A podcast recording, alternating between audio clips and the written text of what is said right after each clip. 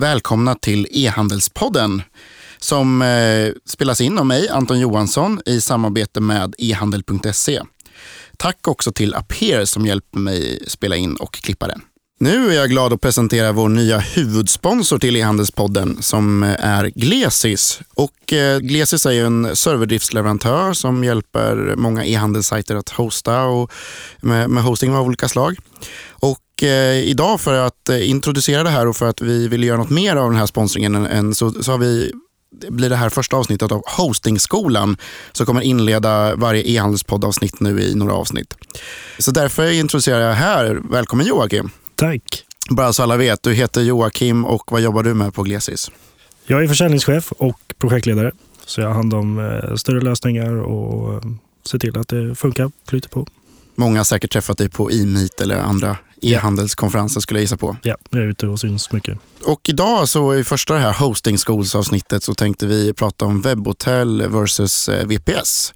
Kan du bara börja med att förklara vad webbhotell är kanske? Ja, webbhotell är ju en eh, delad eh, drift där flera webbsidor ligger på samma server. Man kan även ha ett, ett klustersystem. Men grejen är att alla sajter ligger i samma system. Och vad är ändå en VPS? En VPS är en virtuell privat server du sköter hela operativsystemet själv. Så du kan installera vilka applikationer du vill, välja operativsystem, skala upp och ner. Vilka passar webbhotell för? Vilka ska välja webbhotell som, som hostingleverantör? Webbhotell är ju framförallt billigare. Eh, ligger runt 50-100 kronor i månaden. Men eh, framförallt så är det väldigt enkelt. Bara klicka, klicka, klicka så är det klart. Eh, webbhotell står för all drift. Eh, VPS måste du sköta om själv så du behöver kunskapen till eh, ja, operativsystemet och, och webbserver och sådana saker. Vilka typer av e-handelssajter körs på webbhotell och vilka på VPS skulle du säga? Det är nog väldigt få e-handelssajter idag som ligger på webbhotell. Det är säkert någon som säljer pennor eller något sånt på internet. Medan eh, större sajter ligger då på VPS. Eller andra lösningar så att säga som vi, som vi kommer till i de andra avsnitten av hostingskolan. Eh, har du några exempel på någon e-handelssajt som kör VPS som man kanske känner till? Sol.se mm. ligger på VPS. Bra. Var ska man höra av om man vill prata mer på Glesis? Ja, då kollar man glesis.se. Där finns ju våra VPS och alla våra tekniska tjänster. Kanon, då får jag tacka dig Joakim så eh, får ni höra mer om dedikerade servrar i nästa avsnitt. Ja, tack.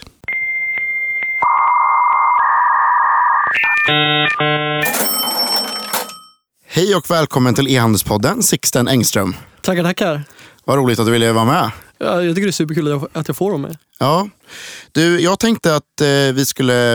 Eh, jag har, jag har då inspirerats av andra poddar eh, nu uh -huh. och eh, jag tänkte att vi skulle, att jag skulle införa ett nytt moment här i e-handelspodden som är en slags faktaruta. Okej, okay, okej. Okay. Du vet så som man ser i tidningarna, så här, ålder. F fem snabba eller? Fem snabba, precis. Eh, så jag, jag ger dig några sådana och så får du svara snabbt. Okej.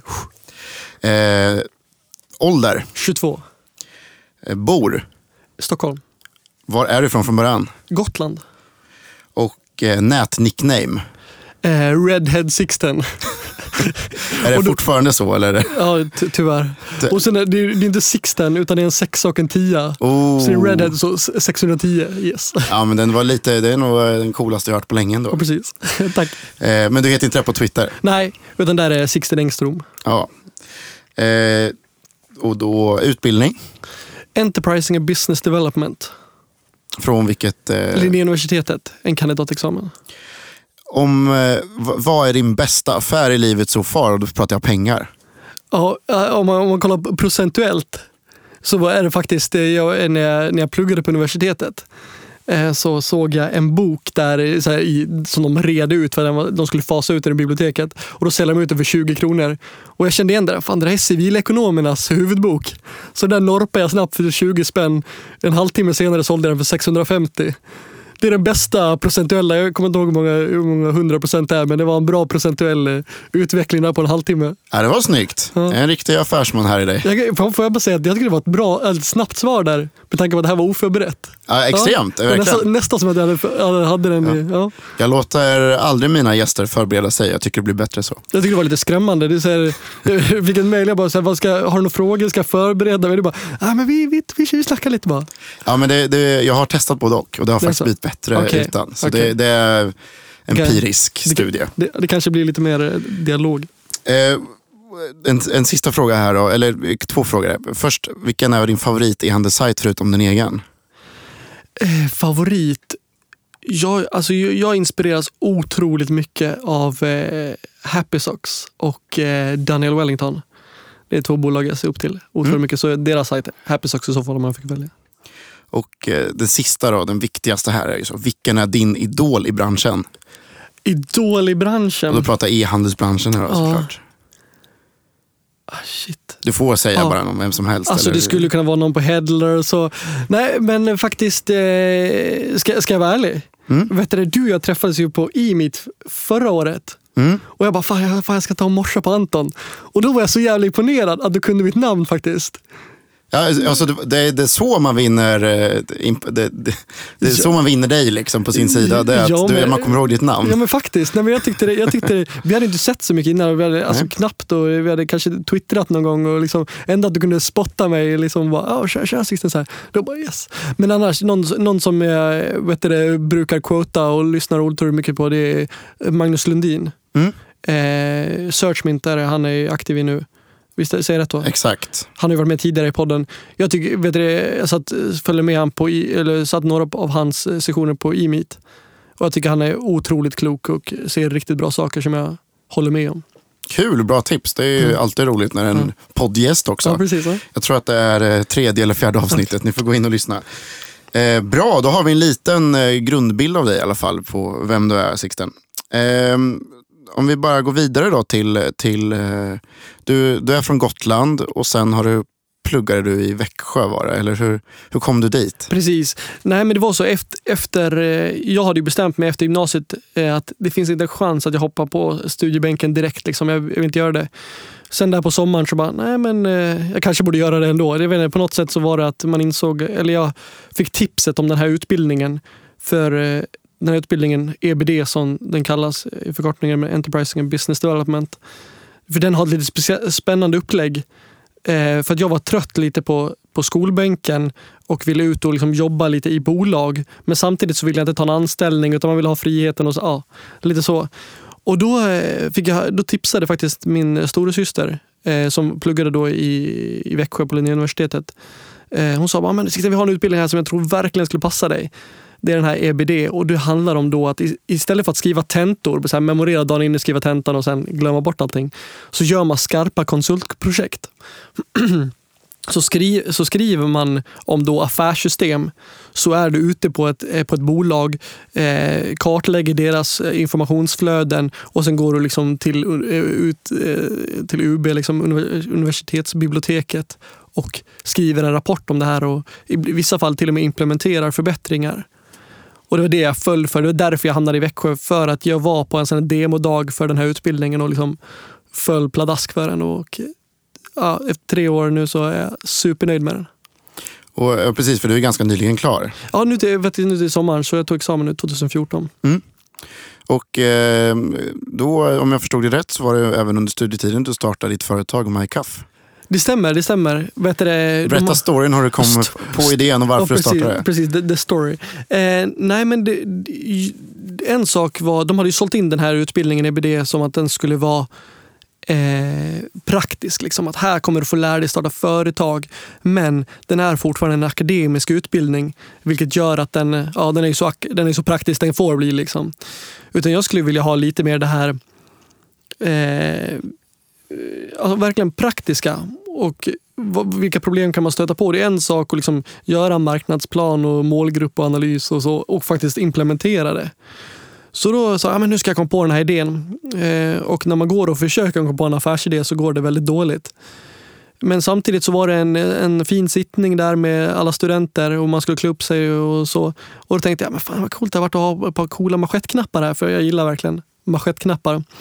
Eh, och så bara, nej men eh, det här, då vill jag ha på personlig. Jag, ha liksom, jag var ju lite narcissistisk och egocentrisk så jag vill ju ha en cool bild på eh, vet du, min Twitter-logga mer eller mindre. Den jag har som profilbild där. Vill jag ha på ett par manschettknappar. Och försökte hitta någon som sålde det här när man kunde beställa. Och Det var liksom minimumorder, 100 par, liksom 50 par. Och, och liksom det var mer profilreklam de sålde. Men till slut så, eh, så hittade jag ett sätt att tillverka manschettknapparna. Då, och så jag tog hem eh, vet du, en, ett gäng av de här och gjorde ett par manschettknappar till mig själv. Jag var ju så stolt, eh, stolt över mina manschettknappar så jag började bära dem till vardags. Och då var det eh, vet, faktiskt några tjejer i klassen som ah, men vilka coola liksom, manschettknappar och så. Eh, kan du, min pappa fyller år i helgen och min brorsa fyller år. Kan du, kan du göra det här? Så min, min, första, min första kund då, som var en klasskamrat, eh, hon är väl egentligen den, den första riktigt bra så här, retention jag har fått. Hon var väl tillbaka fyra, fem gånger och har köpt nu till, till hela släkten. Mhm. eh, och där är bara, det var då det gick upp för mig. Bara, Det, vänta bara, nu. det, var, det, det kom egentligen ur ett behov som Ja. du bara märkte. Nej, men det, ja, mer eller mindre. Liksom att jag tänkte inte på det här att det här var som en affärsidé.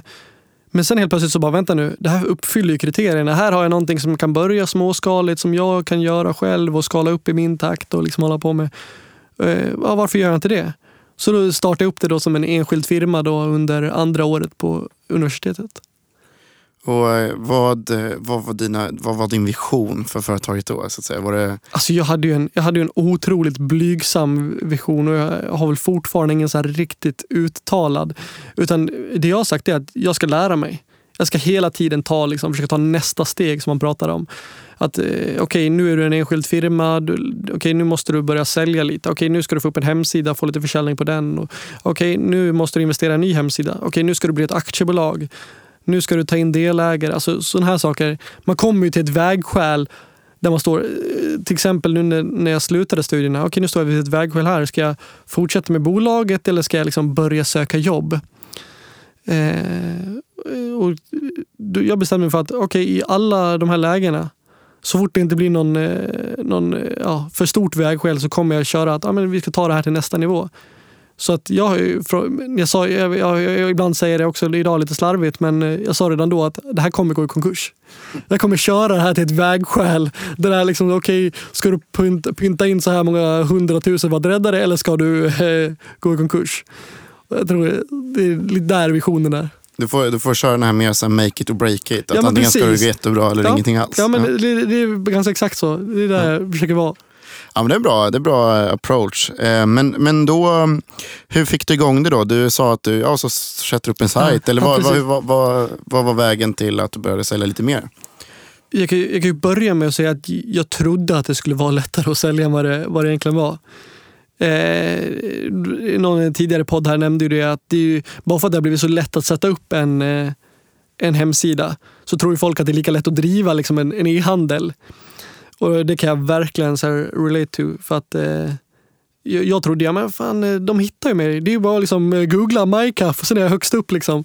Hade ju noll koll på sökmotorsoptimering och liknande. Jag, jag förstod ju att ja, det är klart att det är bra att synas på, eh, på Google men eh, hade inte liksom någon vidare nyckelordsanalys eller vad jag ska synas på eller liknande. Utan det jag, det jag drev försäljning på var eh, samarbeten, bloggare och eh, kända personer och liknande. För jag drev, jag drev ett UF-företag eh, där jag, vet du, som inte fick någon som helst marknadsföring. Jag gjorde liksom ingen, jag satt liksom... Men du hade ett UF-företag då på, va- va- på gymnasiet. Då. Vad, vad var det du sålde då? då? Eller vad gjorde du för Då vet du, gjorde jag faktiskt en marknadsplats. Vet du, och det ju- Man börjar alltid med de svåraste idéerna. Ja men precis. Eh, ha- eller vet du, Jag har insett nu hur, stor, hur svårt det är att göra en marknadsplats. Är Han har lätt ett moment 22-läge där, vilket jag gjorde. Att där, eh, eller jag kan börja att idén handlade om att samla UF-företagen på en hemsida. Eh, det heter då UF Market och det är jätteviktigt där återigen att det är på engelska. Eh, Men eh, det skulle vara en marknadsplats för, eh, för UF-företagen. Du ska kunna gå in och se okay, vad finns det för UF-företag i den här regionen och vad säljer de. Och helt enkelt ge UF-företagen en distributionskanal. För att det kommer fram väldigt många bra entreprenörer och talanger och bra produkter därifrån. Men de, de kommer sällan utanför UF-bubblan. Men det finns en hel, eh, jag tror det finns ju 200 000 UF-alumner nu som som liksom har en koppling tillbaka till UF och vill se vad, vad händer i regionen? Vad händer på min gamla skola? Är det någon som har bräckt mitt försäljningsrekord eller liknande? Och då tänkte jag men det här skulle jag kunna leverera.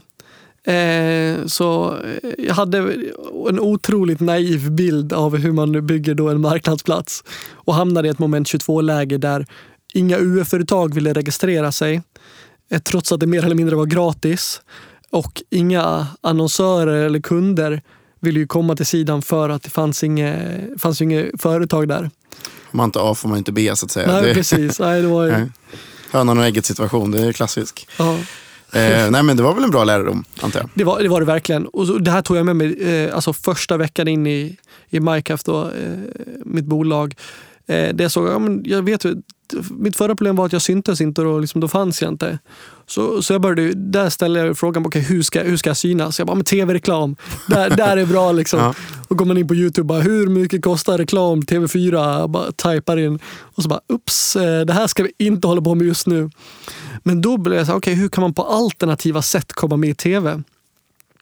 Och eh, som student då, det enda man gör så här, mellan lektionerna eller föreläsningarna där är ju liksom att eh, ligga hemma på sofflocket och äta fil typ. Och det enda som är på tv då det är så här Big Brother. Big Brother 24-7, liksom så här, det är det som snurrar hela tiden. Eh, så det säger jag bara fan.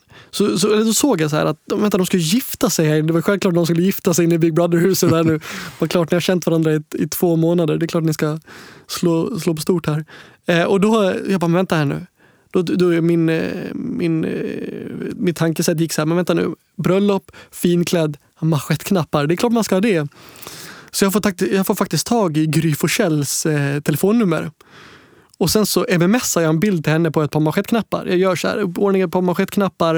Jag vet inte, har vi sagt det egentligen? Mitt företag går ut på att man får designa sina egna mm. manschettknappar. Så då har jag, vet du, Eh, gjort eh, ett par manschettknappar med Big Brother-loggan. Och så tar jag bild på, en bild på de här, mmsar Gry Forssell och säger bara eh, Hej Gry! Och så skriver jag så här, ung entreprenör, eh, tillverkar manschettknappar. Någon av dessa till bröllopet som ni ska ha? Och så ser jag så här, man kan ju se på att meddelandet blir läst. Och jag bara, japp, okej, okay, snart svarar hon. Snart svarar hon, så här, två timmar senare, snart svarar hon. Och jag hörde liksom ingenting från henne förrän dagen efter. Då en, liksom, någon, någon person ringer till mig och bara eh, tja, tja, tja, du, om jag säger manschettknappar, har jag, har jag kommit rätt då? Och jag bara, eh, please hold for Sixten. jag liksom fick lite låtsas att jag är större än vad jag är. Han ringer på mitt privatnummer. Jag sitter liksom och pluggar. Och jag bara, ah, men eh, det stämmer. Du har kommit till eh, MyCaf här. Vi, eh, vad, vad, vad ringde du från? Okej, okay, Big Brother. Vad, vad kul att ni är intresserade av ett samarbete. Och han bara, ah, men eh, vi, vi, skulle kunna tänka oss göra ett samarbete här. Ni får, eh, för 35 000 så skulle vi kunna göra en artikel och de syns i tv och banner. Na, na, na. Och jag bara, då fick jag liksom backa. Jag, bara, alltså, jag ber om ursäkt om jag så här har eh, missled you men eh, jag har 35 spänn på företagskontot. Det här är liksom vad jag har i marknadsföringsbudget. Och han, då mjuknade han ju helt och då förstod han ju. Han bara, shit det här är ett litet hobbyföretag. Men han, han tyckte det var så jävla roligt så han bara, men eh, bröllopet har tyvärr, det hinner vi inte få upp den till, men att vi har en tävling här där, där du skulle kunna vara med. Eh, och då, eh, så jag skickade upp de här manschettknapparna och åkte upp till den här livesändningen och lämnade över dem där. För det som hände där var ju att de här skulle få med i en eh, vad ska man säga, typ som en selekta maskin in i deras hus där en vinnare av veckan skulle få utse ett pris. Och nu kan man ta i åsikt här att de har varit instängda i 80 dagar och en kille vinner. Och det finns liksom, i den här så finns det, du kan vinna en fest för hela gruppen, filmkväll, samtal hem, blommor skicka till någon utanför. Så. Och så finns det så här längst ner bara personliga manschettknappar. Och jag tänkte bara, bara, bara han kan nämna där att det finns manschettknappar så jag kan jag liksom bara pumpa ut det här i mina sociala medier. Men han, eh, Amandu som han heter, bara går fram där och bara, eh, jag samlar på manschettknappar. Helt eller otroligt. Så han bara, men jag tar manschettknapparna. Så fick jag då designa ett par till honom och skicka in. Alltså det var, där var väl egentligen den första, eller andra stora. Jag hyrde också eh, Kalle Schulmans profilbild. Han hade någon sån run där han hjälpte välgörenhet, så för 700 spänn så kunde man hyra hans profilbild. Det gjorde jag. Så det, här, så det här var, det här var din eh, så här start på hur du fick igång det egentligen kan man säga? Det var, Det, det, var, det var eh, utnyttja din, din produkts eh, speciella värden egentligen då för, att, för att, för att Nej, men eh, få precis, folk att ja. vilja prata om det. Om man ska dra det till någon teoretisk och begriplig nivå så var ja, precis var det. Men bara så att folk vet om det då. Du säljer ju person, personaliserade manschettknappar. Och, eh, och sen så har du väl också lagt till lite andra produkter nu. Precis, eh, vet du, eh, för ett år sedan lade jag till ungefär lade jag till slipsnålar. Men nu sen i höstas så har jag breddat eh, till fler herraccessoarer.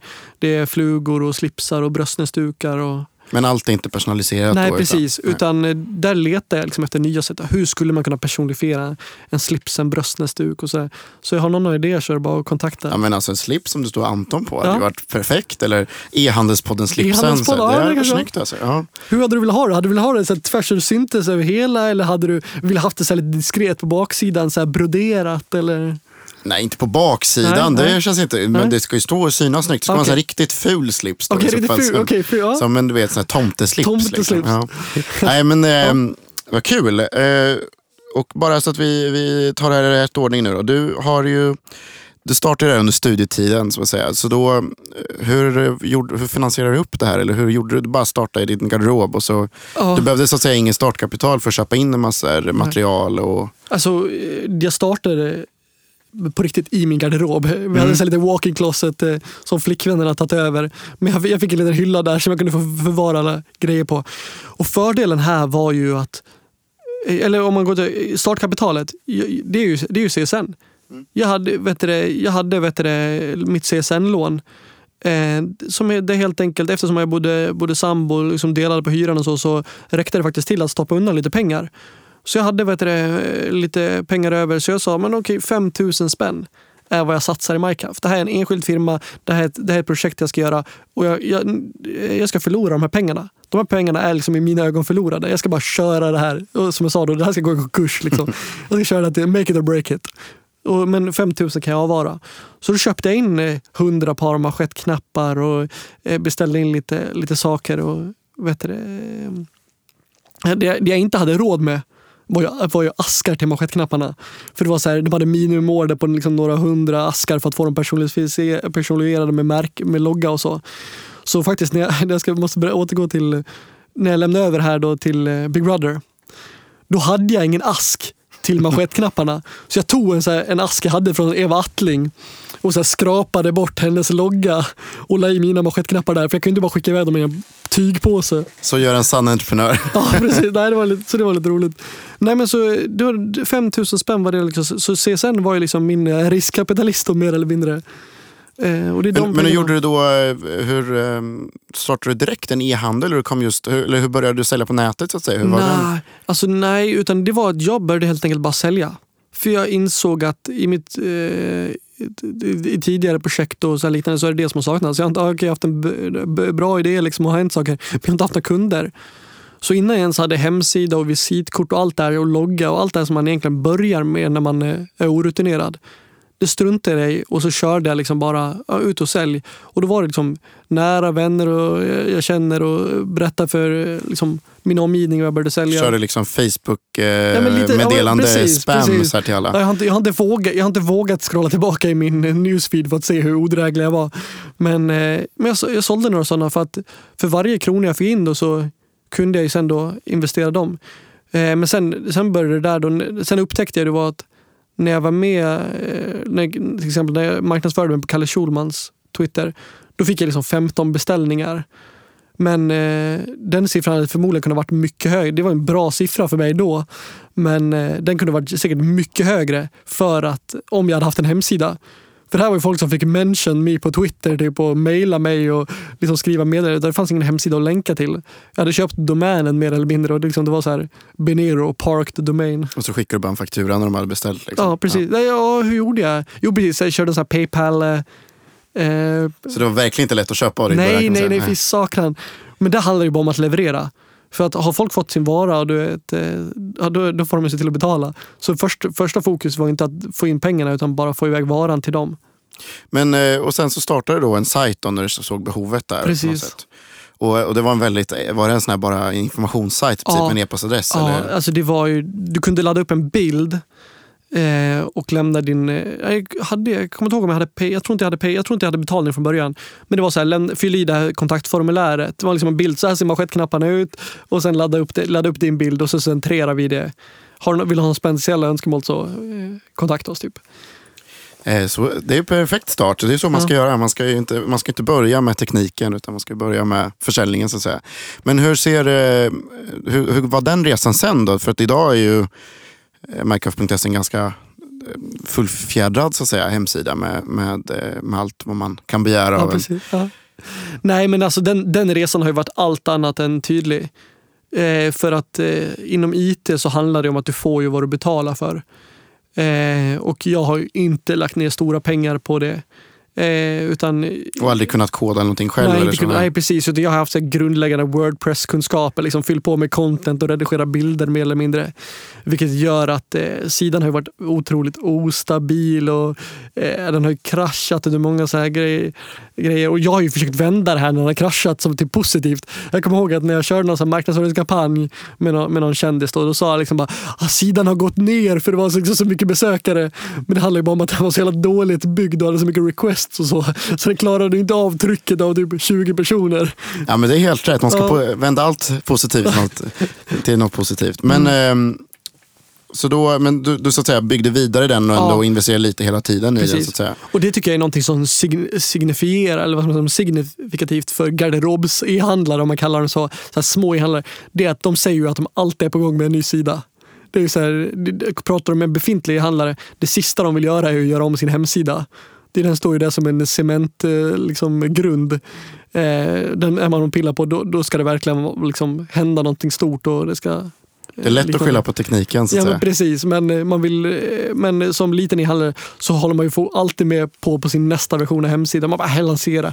Ja, vadå 301? Ja, det kan jag väl komma ihåg att göra typ. Ja, men jag tycker det är mycket så även med, när det kommer till, till konvertering och sådär. När man pratar Ja. där. Så det, det är att många som har 100-200 besök per dag pratar konvertering. Ja, Men det hade varit betydligt lättare att öka det till 400 besökare och sen börja liksom, Ja. jobba med konvertering. Ja, det, det, vet du, jag, jag är ju en typisk sån person. Jag försöker ju att, eh, att inte prata konvertering för att jag har, har haft och har inte så här någon märk, marknads, liksom, märkbara siffror. Liksom. Det är några tusen personer eh, som är inne och klickar runt sig på, på sidan på en normal, eh, på en normal månad.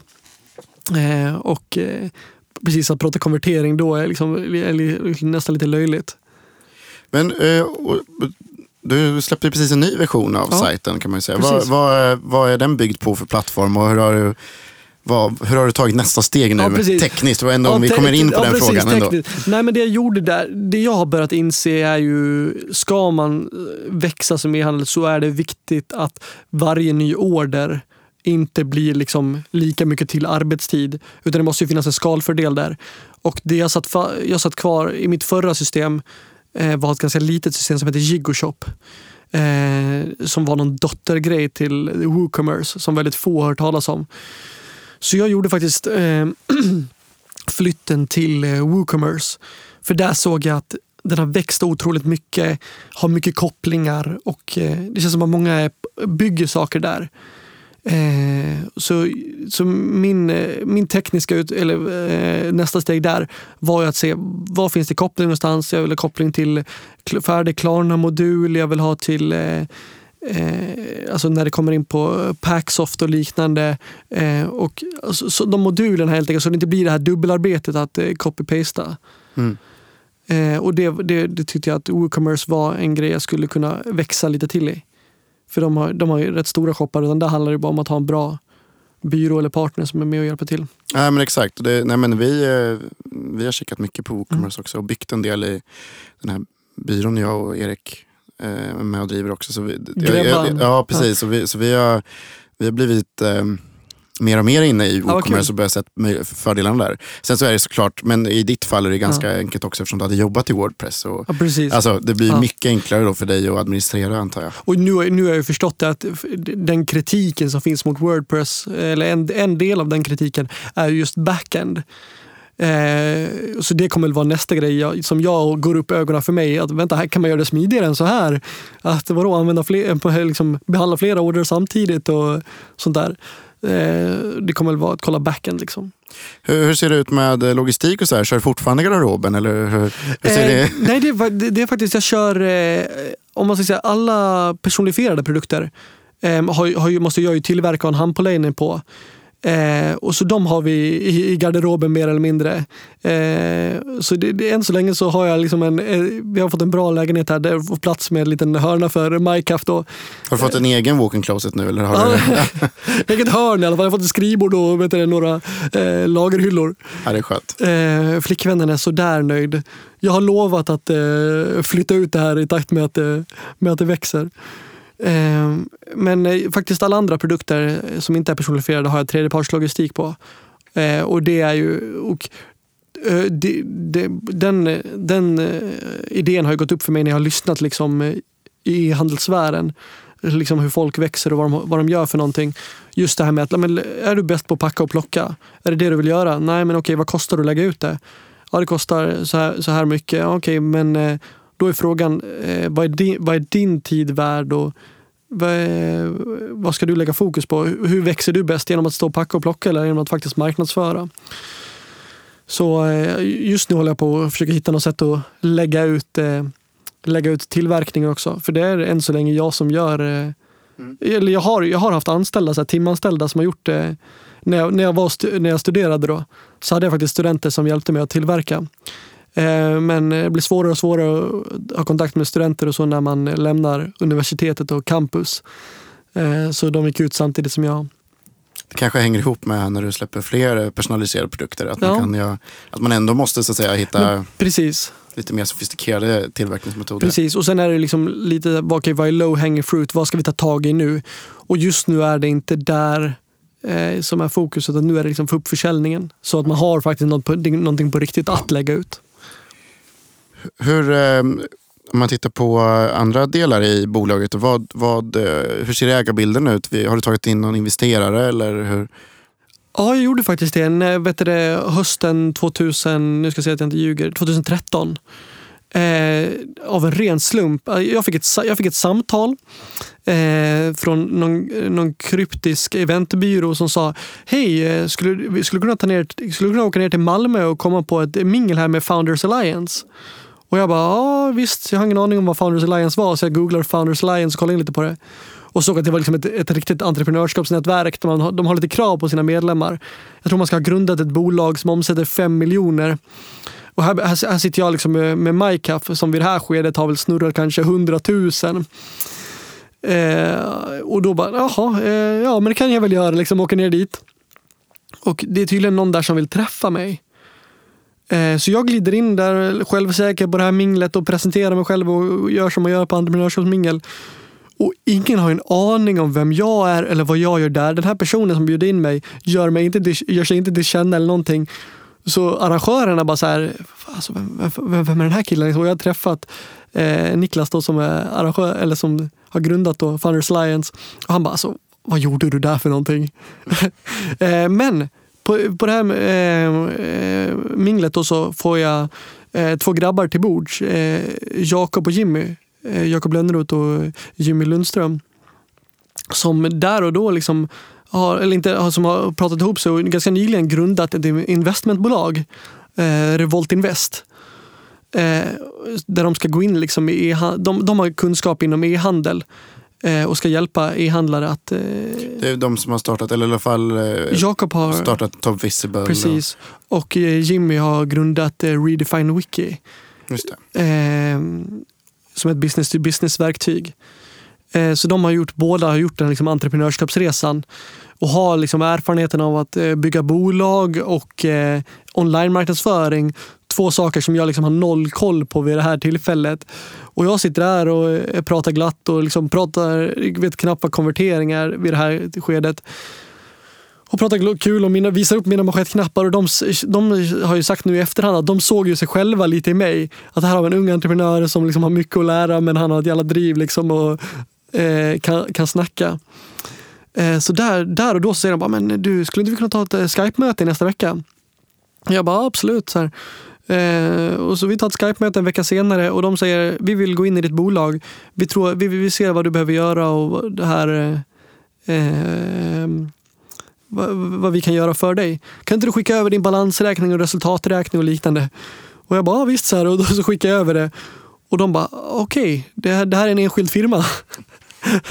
och de bara, okej, okay, vi gör så här, vi går, nu, vi går in i det här bolaget. Eh, vi hjälper dig att eh, ta det här till nästa nivå. Så vi, så vi pyntar in, för det, var en, det, var, de, det fanns liksom inte så mycket att investera i. Så de sa vi kan gå in i det här med, vi, köper, vi betalar liksom vår del av aktiekapitalet så gör vi det till ett aktiebolag. För det måste det vara, du kan inte sitta i en enskild firma. Och jag bara, ja, ah, Så började jag fick lära mig lite om risk när man säljer mot kunder och så. Eh, så, ja, så ägarbilden idag är då att jag äger som majoritetsägare 75 procent och sen äger då Revolt Invest 25 procent.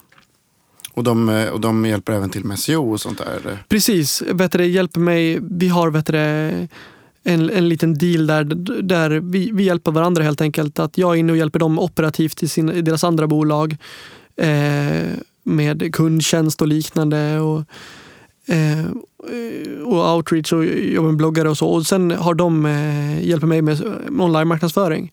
Eh, lär upp mig på liksom, eh, PPC och SEO och eh, vet du, allt det. Och som, det som jag har haft noll koll på. Så det har jag haft ett otroligt värde av. Mm. Men annars har du hela tiden växt organiskt så att säga. Du har tagit de pengarna du har sålt för och försökt växa med dem så att säga. Men hur, hur, eh, hur ser den resan ut framöver då? Kommer du, tror du att du kommer vilja ta in någon mer investerare? Eller, liksom, eller, eller hur, hur ska du lyckas eh, växa ännu mer och ännu snabbare? Hur, har du någon plan här? Alltså det, det, det där är väl också eh, lite, lite kännetecken för, för småskalig e-handel.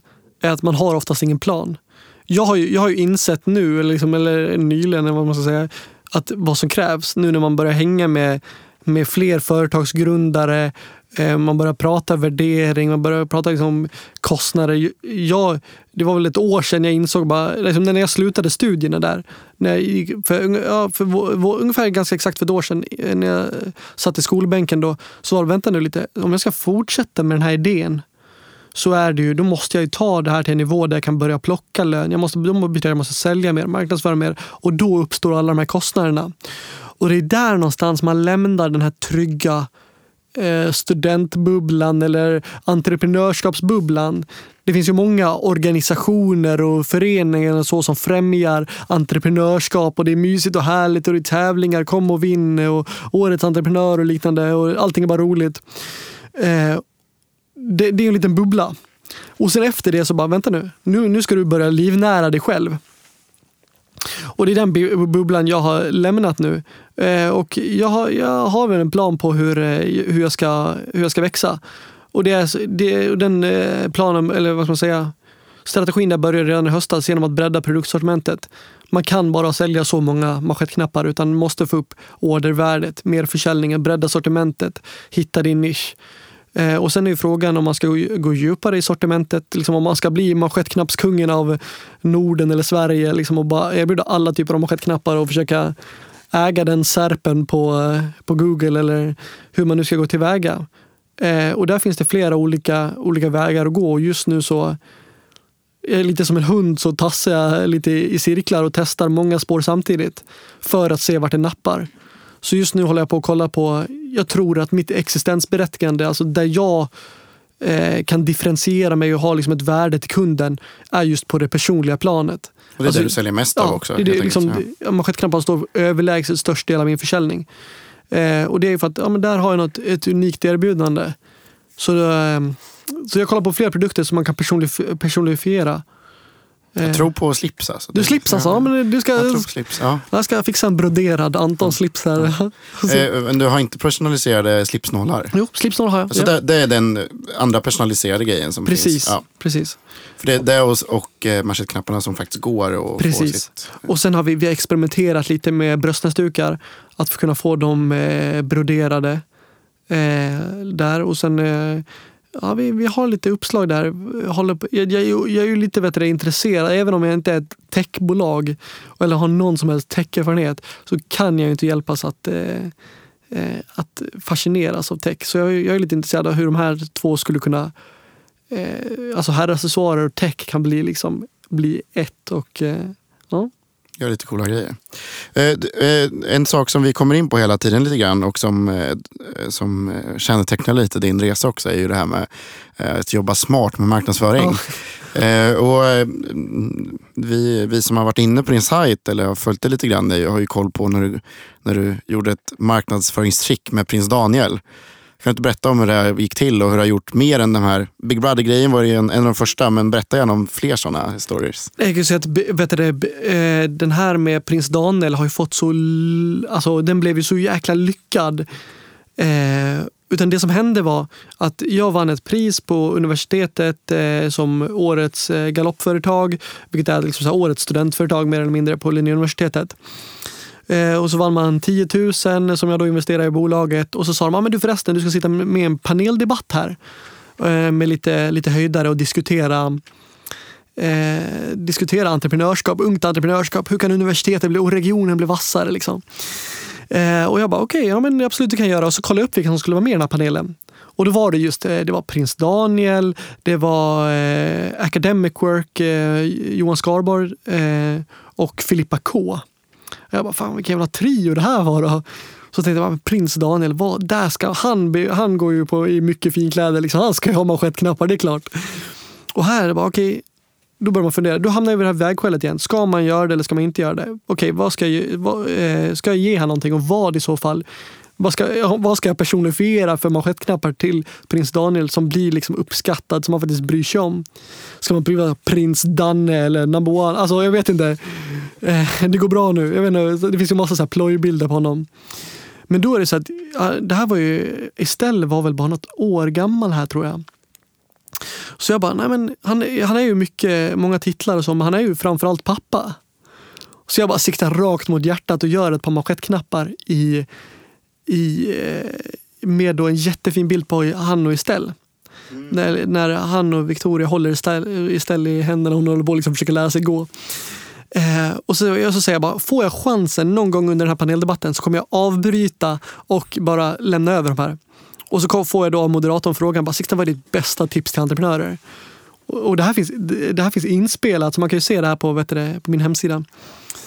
Eh, och jag säger bara, men det handlar om att ta vara på möjligheterna. Så till exempel då när prinsen kommer på besök, ja då, då förbereder man kanske en liten present. Så går jag fram och liksom lämnar över de här. Och jag har ju tänkt i mitt huvud, man för, när man gör någonting så föreställer man bara, ah, okej, det här är utfallet. Men jag tänkte, ja, han tar emot dem, tackar så mycket, stoppar dem i fickan och sen, okej, nu fortsätter vi med diskussionen. Men det här genomsyrar ju hela debatten, där, paneldebatten och hur jag, mitt agerande och hur vi behöver mer sånt här och så. För han slänger ju av sig de manschettknapparna han har på sig. Tar på sig de här och sitter där och tittar på dem och är så jäkla nöjd och återkommer senare, senare i, i, sitt, i sitt anförande om hur, hur, hur jag var framåt och vi var mer så här hungriga entreprenörer. Och det, på första raden på det här nu sitter då en kompis och faktiskt spelar in det här. Så den blev ju lite viral, vet du, den, det klippet. Och Eh, sen så var det Expressen satt på första sidan. Eller första, satt på eh, första raden. Så när jag gick hem från genom eller Växjö eh, stad där eh, dagen efter så bara ser jag på löpsedeln bara Sixten eh, från eh, Växjö fixade prinsens juveler. Och det här ligger på löpsedeln över hela Sverige. Alltså okej, de, Expressen måste ha haft lite nyhetstorka den här dagen. Men alltså deras löpsedel som gör att de ska få folk att köpa tidningen är en bild på mig, prinsen och liksom det, det jag lämnar över min produkt. Och det alltså mer marknadsföring än så. Och mer, egentligen validering. För jag får ju mycket så här frågor, men du Sixten, alltså manschettknappar. Det var ju då, folk ringde ju mig efter det här. Eh, och bara du, eh, var det inte manschettknappar du höll på med? Liksom, jag har ju sett löpsedeln här och jag har sett eh, videon. Vad, vad håller du på med för någonting? Vem, vem samarbetar du med liksom? Så där så blev det liksom en validering för mitt bolag. Att ja, folk bryr sig om och eh, uppskattar det jag gör. Ja, det var ju hur snyggt som helst. Men gav det någon försäljning också sen? Eh, jag, jag, det var, återigen det här med tracking, det är lite svårt att tracka det där, men det kan, det jag kan se är ju att många kunder har ju hört talas om det här, har sett det.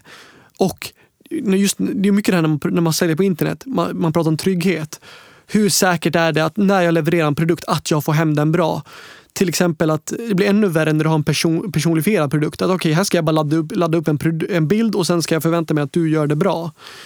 Eh, och då blir det, men vänta här nu, har du levererat till prinsen? Har du levererat till kocklandslaget?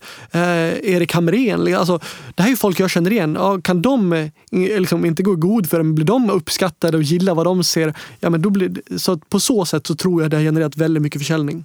Ja, du har ju bilden på första sidan så det är Ja, klart ja, att det blir en validering på, på, Ja, på mycket.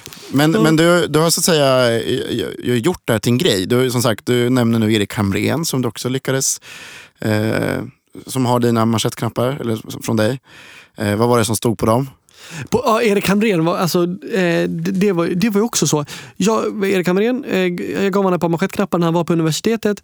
Eh, och jag tänkte, vad ska jag ge honom för någonting? Så försökte jag blicka tillbaka. Vad har han för så här proudest moments? Vad är han riktigt stolt över?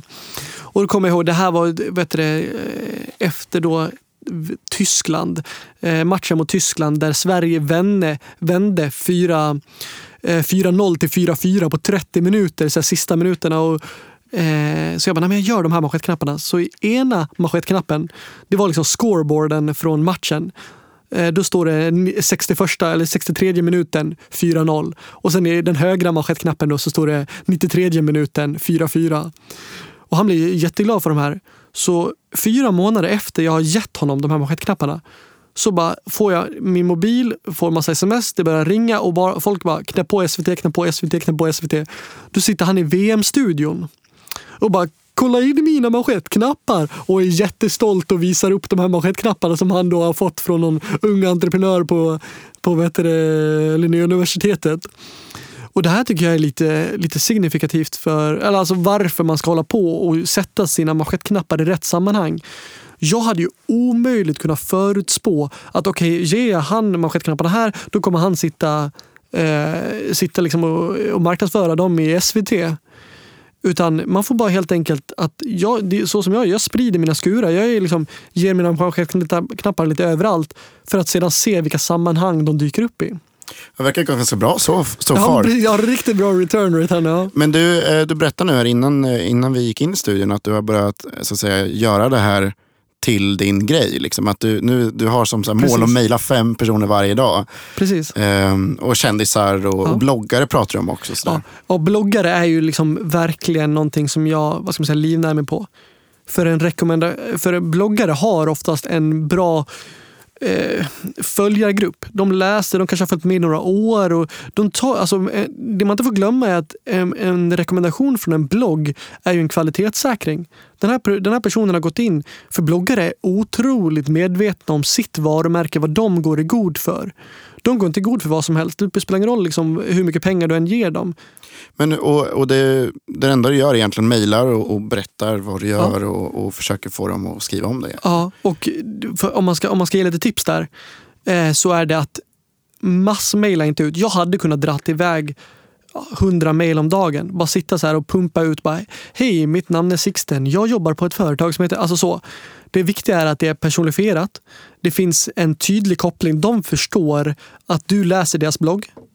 Eh, de ska förstå att du... Eh, alltså en anledning till varför du kontaktar dem.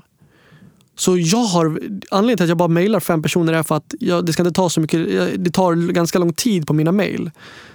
Eh, jag har liksom självklart en mall jag utgår ifrån, men eh, svarar alltid med namn. Kanske kommentera någonting i deras, som har hänt deras, deras vecka. Och sen då, du förresten, eh, Christian, din kille. Eh, nu när han har fått det här nya jobbet på banken. Fan, ska inte han stila med ett par manschettknappar? För jag, det är nämligen så att jag, jag, jag säljer manschettknappar. Alltså eh, få den där känslan att, ja men, eh, och sen att eh, göra det tydligt med att eh, det här, det här är någonting som jag tror vi båda kommer... Alltså vad är vinningen för, för bloggaren då? Och vad är vinningen för, för mig? Och inte hymla med det. En, alltså en bloggare ska inte behöva bara, till exempel, jag, för det finns mardrömsexempel. Jag, jag, jag gjorde någon liknelse att, att mejla bloggare är lite som att plocka jordgubbar på ett minfält. Mm. Det är otroligt lätt att förolämpa en bloggare. Gör du det så kan det bli otroligt negativt. Det är precis samma sak när man jobbar med PR mot journalister Ja, med. Att precis. att journalisternas jobb Ja. är ju att hitta bra stories. Om Ja. du ger dem en bra Ja. story så gör du dem en tjänst. Precis. Och på något sätt, men ger du dem en dålig story, då gör du dem en otjänst. Precis. Och då vill, får de bara en massa mejl. Så att det, det vill till är ju att kolla hela deras sammanhang hela tiden och kontext på varför de skulle vilja skriva om det här. Precis, och det, det är superviktigt. Eh, och så det, det, så jag, jag har ju sett folk som har, eh, det var något, något bolag som, som sålde strumpor eh, och som bara hade, ma- hade massmailat ut och bara hej, vi säljer strumpor, vill du skriva om, vill du skriva om de, här, de här eh, strumporna då? För eh, du får dem självklart gratis. Och då, alltså en bloggare som då har några tiotusentals läsare, kanske 20, 30, 40 eh, tusen läsare, den känner sig rätt förolämpad. Eh, och de, är- de är rätt duktiga på att visa när de blir sura. Så jag har ju sett flera bloggare som går ut och mejlar. bara, så här, Ta ett printscreen på det där och säger hej, nu har mhm, det här företaget mejlat mig. Vilka jävla sopor. Kul att, de inte, och att, kul att de inte värderar mig. Hade jag varit en tidning eller liknande som har 40 000 eh, ex som delar ut eller liknande, ja, då hade marknadsvärdet varit eh, 100 000 och här vill de ge mig, ja.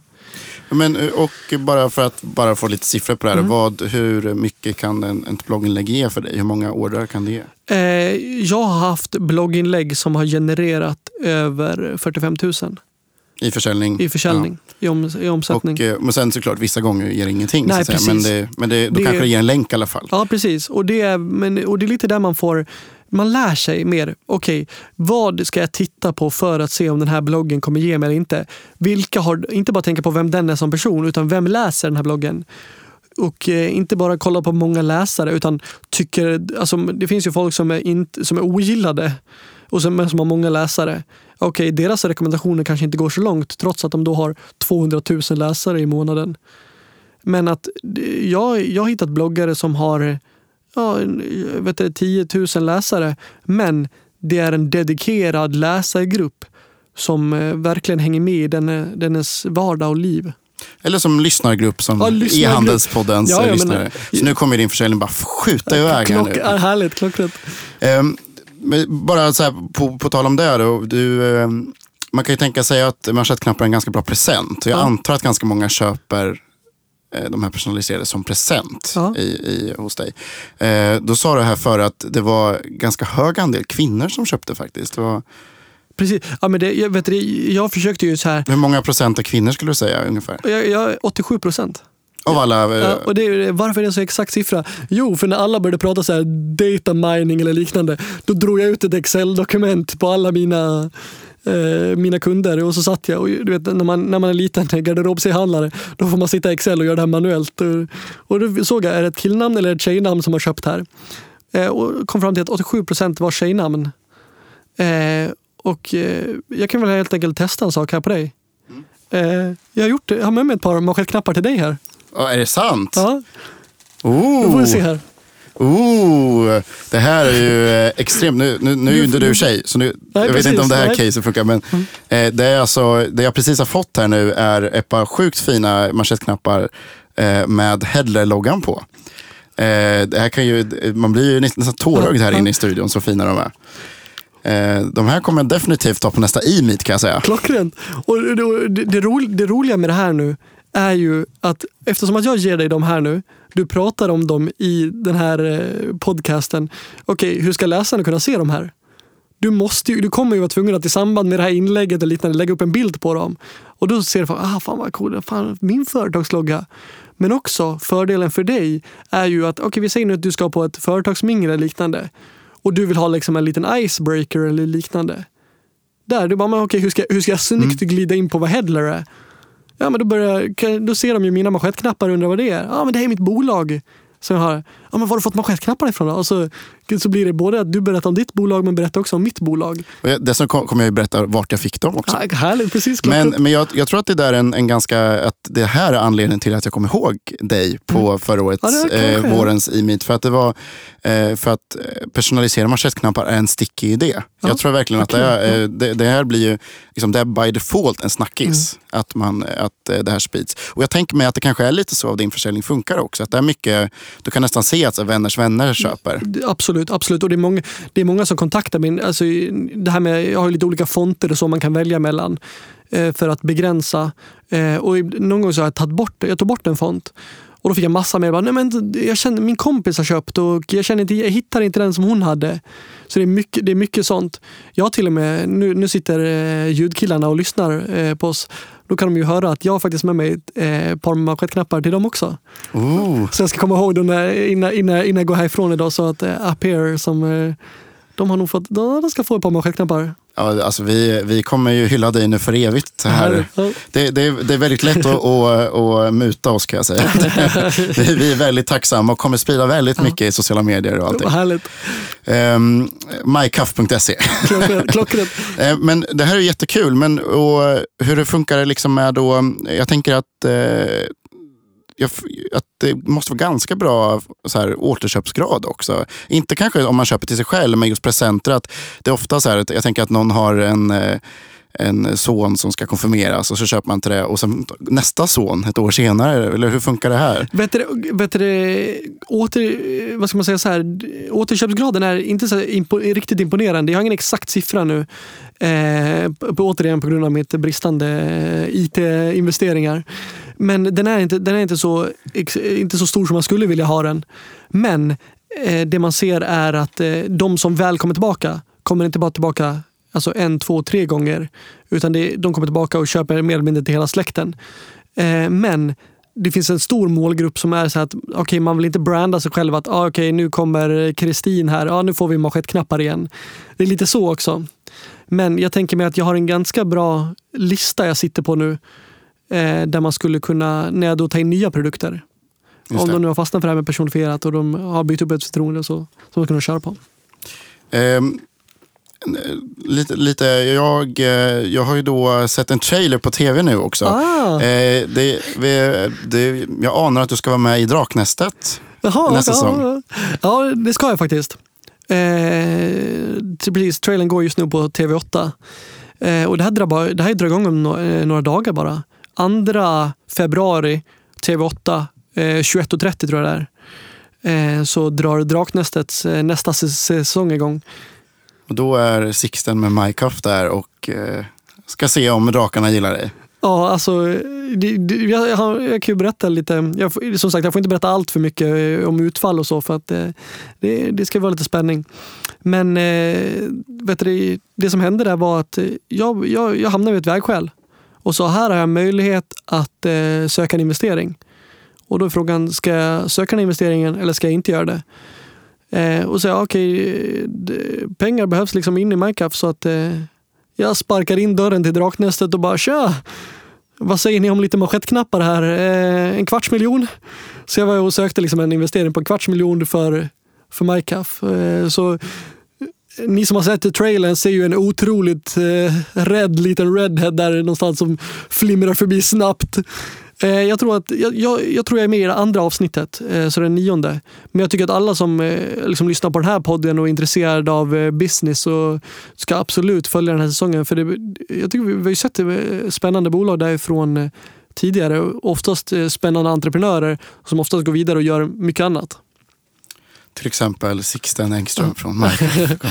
Som det Ja, kommer gå så himla bra för Ja, nu. ja, du får fiska här. Du får fiska, Ja, men det- precis. Nej, men det, är, det ska bli jättespännande att följa. Men det är ju Ja. också bra PR antar jag. Det är ju eh, det är ju inte så ofta man får vara med till att faktiskt förklara exakt vad man gör för någonting. Nej men precis. Eh, och eh, vad ska man säga, det här är jag tror att de har, jag hoppas nu, för tidigare säsonger av Draknästet så sändes det ju i SVT. Eh, då var det ju, SVT får ju inte göra reklam för bolag.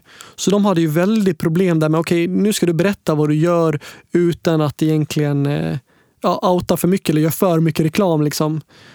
Eh, nej, så det ska bli spännande att se vad det, vad det ger för effekt på eventuell försäljning och uppsving för bolaget. Och så. Och nu när du har en ny sajt så kanske den till och med håller sig uppe då. Ja, precis. Jag ska försöka.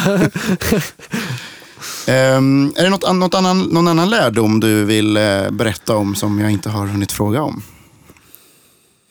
nej, nej, vet du, lärdomen eh, skulle jag säga till, alltså, till, till, till de entreprenörerna som, bef- som befinner sig i min situation just nu. Som är liksom att ja, men det, det, det, tuffar på men vill ta det till en ny nivå. är liksom att sätta sig ner och göra en liten strategi. Och det, inte, inte behöva rita den i sten och bara ja, det här är vad vi ska följa exakt. Men faktiskt få fram en liten handlingsplan. Men okej, jag behöver faktiskt sälja så här mycket. Jag behöver faktiskt göra det här. Jag behöver ta in den här kompetensen. Eh, vad finns det för utmaningar? För just nu är det att man följer väl, alltså, det, märker man på e-meet också. Ja, men okej, nu pratar vi big data.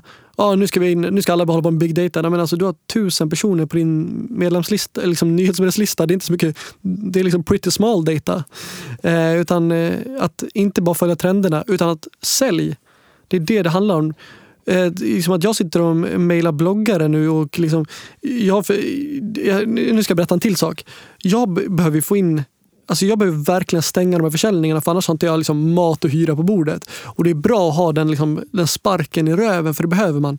Så jag såg nu att, vet du, här när jag gick förbi att det var en advokatbyrå som satt i samma, som satt i samma hus. Eh, så jag tog kort på deras logga nu kommer googla upp deras logga och sedan mejla dem och säga då. Och då blir ju min retention här. Du, förresten, jag var, jag var och spelade in en podcast här nu när jag pratade eh, liksom om, om mitt företag och då såg jag i logga. Jag har många advokater som, eh, som kunder. Och för att få man in, för jag började rikta mig lite mer business to business, men som ändå inte vill köpa 50 stycken. Sälja tre stycken sådana och sen sälja en premiumnivå. Ja, men då har jag, vet du, eh, då når jag mina säljmål. Liksom. Så att, alltså, du behöver inte sitta på AdWords, du behöver inte göra det här när du är så här liten. Utan hur du får in din försäljning, det spelar ingen roll. För bara du får in pengar och så du kan trycka dem i rätt kanal sen. Det är väl också lite ett, ett viktigt att påpeka att omnichannel och multichannel ja. som alla pratar om. att Det behöver inte innebära att man slår upp en fysisk butik. Nej, utan det handlar om att man har säljare till exempel och, och, så vidare. Vilket ju kanske många glömmer bort. Att ibland ja. är det lättare. Och det var Hedler, vi på Hedler hade vår största julförsäljning var till företag också. Mm. Um, det är skitspännande. Så det, det, man ska inte underskatta det som kanal, att man faktiskt kan ringa upp folk eller mm. mejla folk och bara sälja som vanligt. det var, var ju så det började också. Ja, precis. Och sen var, var, var, liksom, oftast är man är, sitt, man är sitt brand. Jag, jag, tycker om att ge bort manschettknappar och dela ut dem för det blir liksom lite storytelling och det blir liksom att folk eh, jag, jag, hoppas ju, jag hoppas ju att när man ser tillbaka nu eh, 10-15 år här att bara just det, Sixten, den där jävla dåren, han var runt hela Stockholm och delade ut manschettknappar till allihopa. Liksom. Eh, och att det ska vara en, en, rolig anekdot. Men ett annat ord som man älskar eh, är eh, vet du, CPA. Ta reda på hur mycket du kan betala eh, till en affiliate eller till vem som helst Eh, och bara, men det här är vad du kan få ifall, eh, ifall du kan sälja mina produkter. Jag har ju varit inne på att bara leja en skolklass. Bara känna, kan ni sälja vet du, eh, herraccessoarer så får ni då en, vet du, en, en viss procent på det. Eh, kan, jag vet inte om det är lättare att sälja eller inte än de här salam, salamikorvarna. Ja, precis, som... Säljer man salamikorvar och fröer kan man väl sälja. Ja men det är så. Det är... Ja. Och tänk att ja, men ifall du kan få in en klass som gör det i månaden ja, det kan generera rätt, liksom, rätt bra med pengar. Och samtidigt som de, för de har ju sin grej, eh, de kanske vill ut på sin klassresa. Då får man ju visa, ta kontakt med läraren och fråga vart vill studenterna, vart vill de någonstans? Och sen ge dem tips på hur de skulle kunna säga. Alltså, hitta andra kanaler, de här traditionella. För vi har pratat om det tidigare, att AdWords är ju, blir dyrare och det kommer bara bli dyrare. Ja, men jag tycker det var en bra avslutning med det här. Mm. Big and business, inte en e-handelssajt kan Nej, man kanske sammanfatta. Eh, vad roligt att du ville vara med här i e-handelspodden. Riktigt kul att vara med. Eh, var kan man eh, hitta din sajt och dig nu på nätet då? Så mycuff.se, mycuff.se och sen Sixten Engström eh, på Twitter. Kanon och eh, tack eh, Sixten så hörs tack, vi igen.